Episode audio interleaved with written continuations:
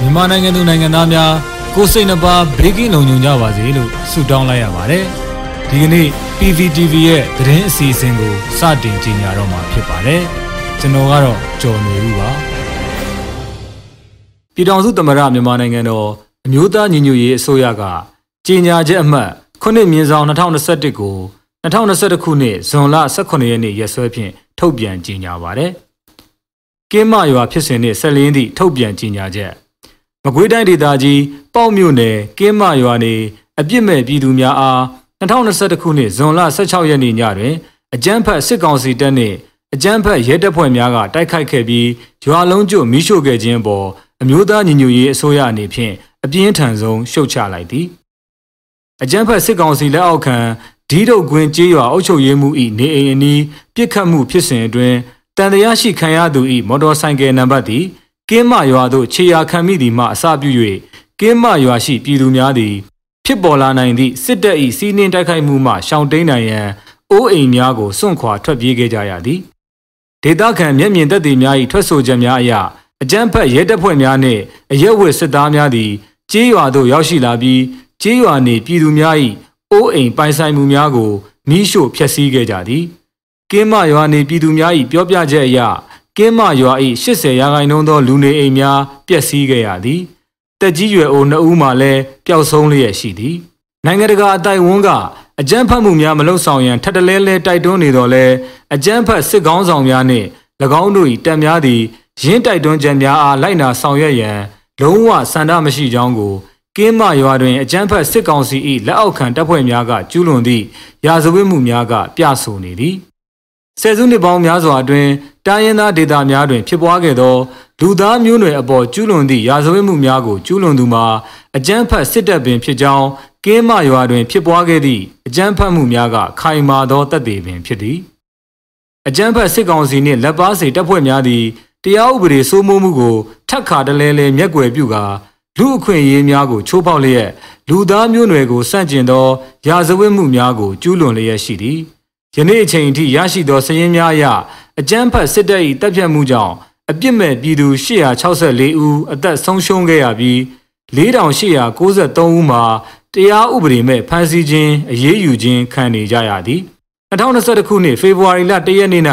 အကြမ်းဖက်စစ်တပ်ကအာဏာသိမ်းပြီးသည့်နောက်တွင်အကြမ်းဖက်မှုများဇက်တိုက်ကျူးလွန်ခြင်းဖြင့်၎ င်း၏အာဏာဇက်တက်ရောက်စေရန်ဆောင်ရွက်လျက်ရှိတော်လဲရင်းဆောင်ရွက်မှုမှာကြာရှုံးခဲ့ပြီဖြစ်သည်အကြမ်းဖက်စစ်တပ်ကကျူးလွန်သည့်ရာဇဝတ်မှုများကိုဒေသခံအဆင့်နိုင်ငံတော်အဆင့်နှင့်နိုင်ငံတကာအဆင့်များရှိသက်ဆိုင်သူများအားလုံးအနေဖြင့်ဆက်လက်မှတ်တမ်းတင်ထားရန်အမျိုးသားညီညွတ်ရေးအစိုးရကတိုက်တွန်းပါသည်အကြမ်းဖက်စစ်တပ်အားအပြစ်ပေးအရေးယူနိုင်ရန်အတွက်၎င်းကျူးလွန်သည့်ရာဇဝတ်မှုများနှင့်ဆက်လျင်းသည့်တပ်တွေများကို စုဆောင်းထားရှိခြင်းသည်အခြေခံကြကြအရေးပါလျက်ရှိသည်အမျိုးသားညီညွတ်ရေးအစိုးရသည်ຫນွေဥတော်လန်ရေးတွင်ပါဝင်တိုက်ပွဲဝင်လျက်ရှိသည့်တော်လန်ရေးရဲဘော်များအားလုံးနှင့်အတူတကွလက်တွဲကာ2021ခုနှစ် Federal Democracy ပြည်ညင်ပါရည်မှန်းချက်များအောင်မြင်သည့်အထိတိုက်ပွဲဝင်သွားမည်ဖြစ်ပြီးအကြမ်းဖက်စစ်ကောင်စီကိုအောင်နိုင်၍အယက်သားအစိုးရအုပ်ချုပ်မှုအောက်တွင်တည်ငြိမ်ပြီးလူကုန်တိတ်ခါကိုအပြည့်အဝအကာအကွယ်ပေးနိုင်မည် Federal Democracy ပြည်ထောင်စုပေါ်ထွန်းလာသည့်အထိ အာသွန်ခွန်ဆိုင်ကြိုးပမ်းဆောင်ရွက်သွားမည်ဖြစ်ကြောင်းကတိပြုအပ်ပါသည်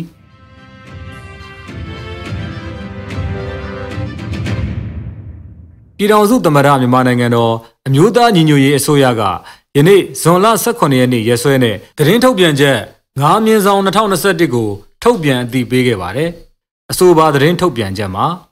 ပြည်ထောင်စုသမ္မတမြန်မာနိုင်ငံတော်အမျိုးသားညီညွတ်ရေးအစိုးရဟာအရက်သားများနဲ့ အများပြည်သူပိုင်အဆောက်အဦများကိုအကာအကွယ်ပေးရန်နှင့်ဘေးကင်းပြီးတားဆီးပိတ်ဆို့မှုမရှိသည့်လူသားချင်းစာနာမှုအကူအညီများကိုတွာလာခွင့်ပေးရန်ကြေညာချက်9မြင်းဆောင်2021ကိုထုတ်ပြန်ကြေညာခဲ့ကြောင်းထို့ပြင်ပြည်သူ့ကျွေးမြီစီမံခန့်ခွဲမှုဥပဒေကိုတတိယအကြိမ်ပြင်ဆင်သည့်ဥပဒေနှစ်အား2021ခုနှစ်ဇွန်လ14ရက်နေ့တွင်ပြည်ထောင်စုလွှတ်တော်ကအတည်ပြုထုတ်ပြန်ခဲ့ကြောင်း ပြည်ထိုင်နိုင်ငံတွင်ကျင်းပပြုလုပ်ခဲ့သော48ကြိမ်မြောက် G7 ထိပ်သီးအစည်းအဝေးတွင်မြန်မာနိုင်ငံ၏အရေးကိစ္စနှင့်ပတ်သက်သောသဘောထားကိုအမျိုးသားညီညွတ်ရေးအစိုးရအနေဖြင့်ကျေးဇူးတင်ကြိုဆိုပြီးပုံမူထိရောက်သောနည်းလမ်းများဆက်လက်ဆောင်ရွက်သွားကြရန်တိုက်တွန်းကြောင်းဆက်လက်ပြီးကြေညာချက်အမှတ်6မြင်းဆောင်2021တွင်လည်းအကြမ်းဖက်စစ်ကောင်စီသည်ဥပဒေကိုအလွဲသုံးစားလုပ်တည်တာမကနိုင်ငံတော်၏ဂုံတိတ်ခါကိုကြာဆင်းထိခိုက်စေပြီး ကမ္ဘာအလဲတွင်ရှက်ဖွယ်ဖြစ်စေသည်ဟုအတီအလင်းထုတ်ပြန်ကြေညာကြောင်းအကြမ်းဖက်စစ်ကောင်စီ၏ပြစ်ခတ်ဖျက်ဆီးနေသည့်လုပ်ရက်ဒေသခံပြည်သူများအားပြစ်ခတ်တပ်ဖြတ်နေသည့်လုပ်ရက်ပေါက်မြို့နယ်ကင်းမရွာအားအကြမ်းဖက်စစ်ကောင်စီတပ်များကရွာလုံးကျွတ်မိရှို့ဖျက်ဆီးခဲ့ခြင်းကြောင့်ဒေသခံတက်ကြီးရွယ်ကိုအချို့တေဆုံးခဲ့ရသည့်ဖြစ်ရပ်တို့ကိုတရားစွဲဆိုအပြစ်ပေးနိုင်ရေးအထူးအလေးပေးလှုံ့ဆော်သွားမည်ဖြစ်ကြောင်းအကြမ်းဖက်စစ်ကောင်စီကိုအောင်နိုင်၍အယက်သားအစိုးရအုပ်ချုပ်မှုအောက်တွင် တည်ငြိမ်ပြီးလူကုန်သိက္ခာကိုအပြည့်အဝအကာအကွယ်ပေးနိုင်မည် Federal Democracy ပြည်ထောင်စုပေါ်ထွန်းလာသည့်အထိအာသွန်ခွန်ဆိုင်ကြိုးပမ်းဆောင်ရွက်သွားမည်ဖြစ်ကြောင်းပြည်ထောင်စုသမ္မတမြန်မာနိုင်ငံတော်အမျိုးသားညီညွတ်ရေးအစိုးရ၏လူသားချင်းစာနာထောက်ထားရေးနှင့်ဘေးရန်ရဲ့ဆိုင်ရာစီမံခန့်ခွဲရေးဝန်ကြီးဌာနနှင့်အမျိုးသမီးလူငယ်နှင့်ကလေးသူငယ်ရေးရာဝန်ကြီးဌာနတို့၏အင်တာနက်စာမျက်နှာများကို2021ခုနှစ်ဇွန်လ14ရက်နေ့တွင်စတင်၍ထုတ်လွှင့်လိုက်ကြောင်းစစ်ကောင်စီသည် ကိုဗစ်ကိုထိရောက်စွာကာကွယ်ကုသပေးနိုင်ရန်ငွေအားလူအားအတတ်ပညာအားစေတနာအားပြည်သူအားမရှိ၍ဤကယောဂါဆိုးကိုပြည်သူလူထုကဥဆောင်ပြီးလဲနေနေအောင်မြင်းဆောင်မကြံတဦးတယောက်မကြံကာကွယ်ဟန်တားရန်ကျမ်းမာရေးဝန်ကြီးဌာနပြည်ထောင်စုဝန်ကြီးဒေါက်တာဇော်ဝေဆိုးကတိုက်တွန်းပန်ကြားကြောင်းအမျိုးသားညီညွတ်ရေးအစိုးရအမျိုးသမီးလူငယ်နှင့်ကလေးသူငယ်ရေးရာဝန်ကြီးဌာနကလာမည့်ဇွန်လ19ရက်နေ့တွင်ကြာရောက်မည့် ပဋိပက္ခအတွင်းလိင်အကြမ်းဖက်မှုပပျောက်ရေးနိုင်ငံတကာနှင့်အထိတ်အမှတ်အဖြစ်ကမ်ပိန်းတွင်အားလုံးပါဝင်နိုင်ကြရေးကိုတိုက်တွန်းနှိုးဆော်ထားကြောင်းသတင်းထုတ်ပြန်ကြေညာခဲ့ပါတယ်ခင်ဗျာ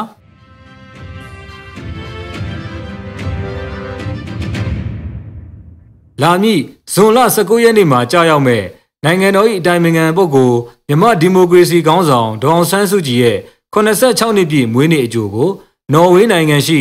အောင်ဆန်းစုကြည်ပန်းချံကော်မတီက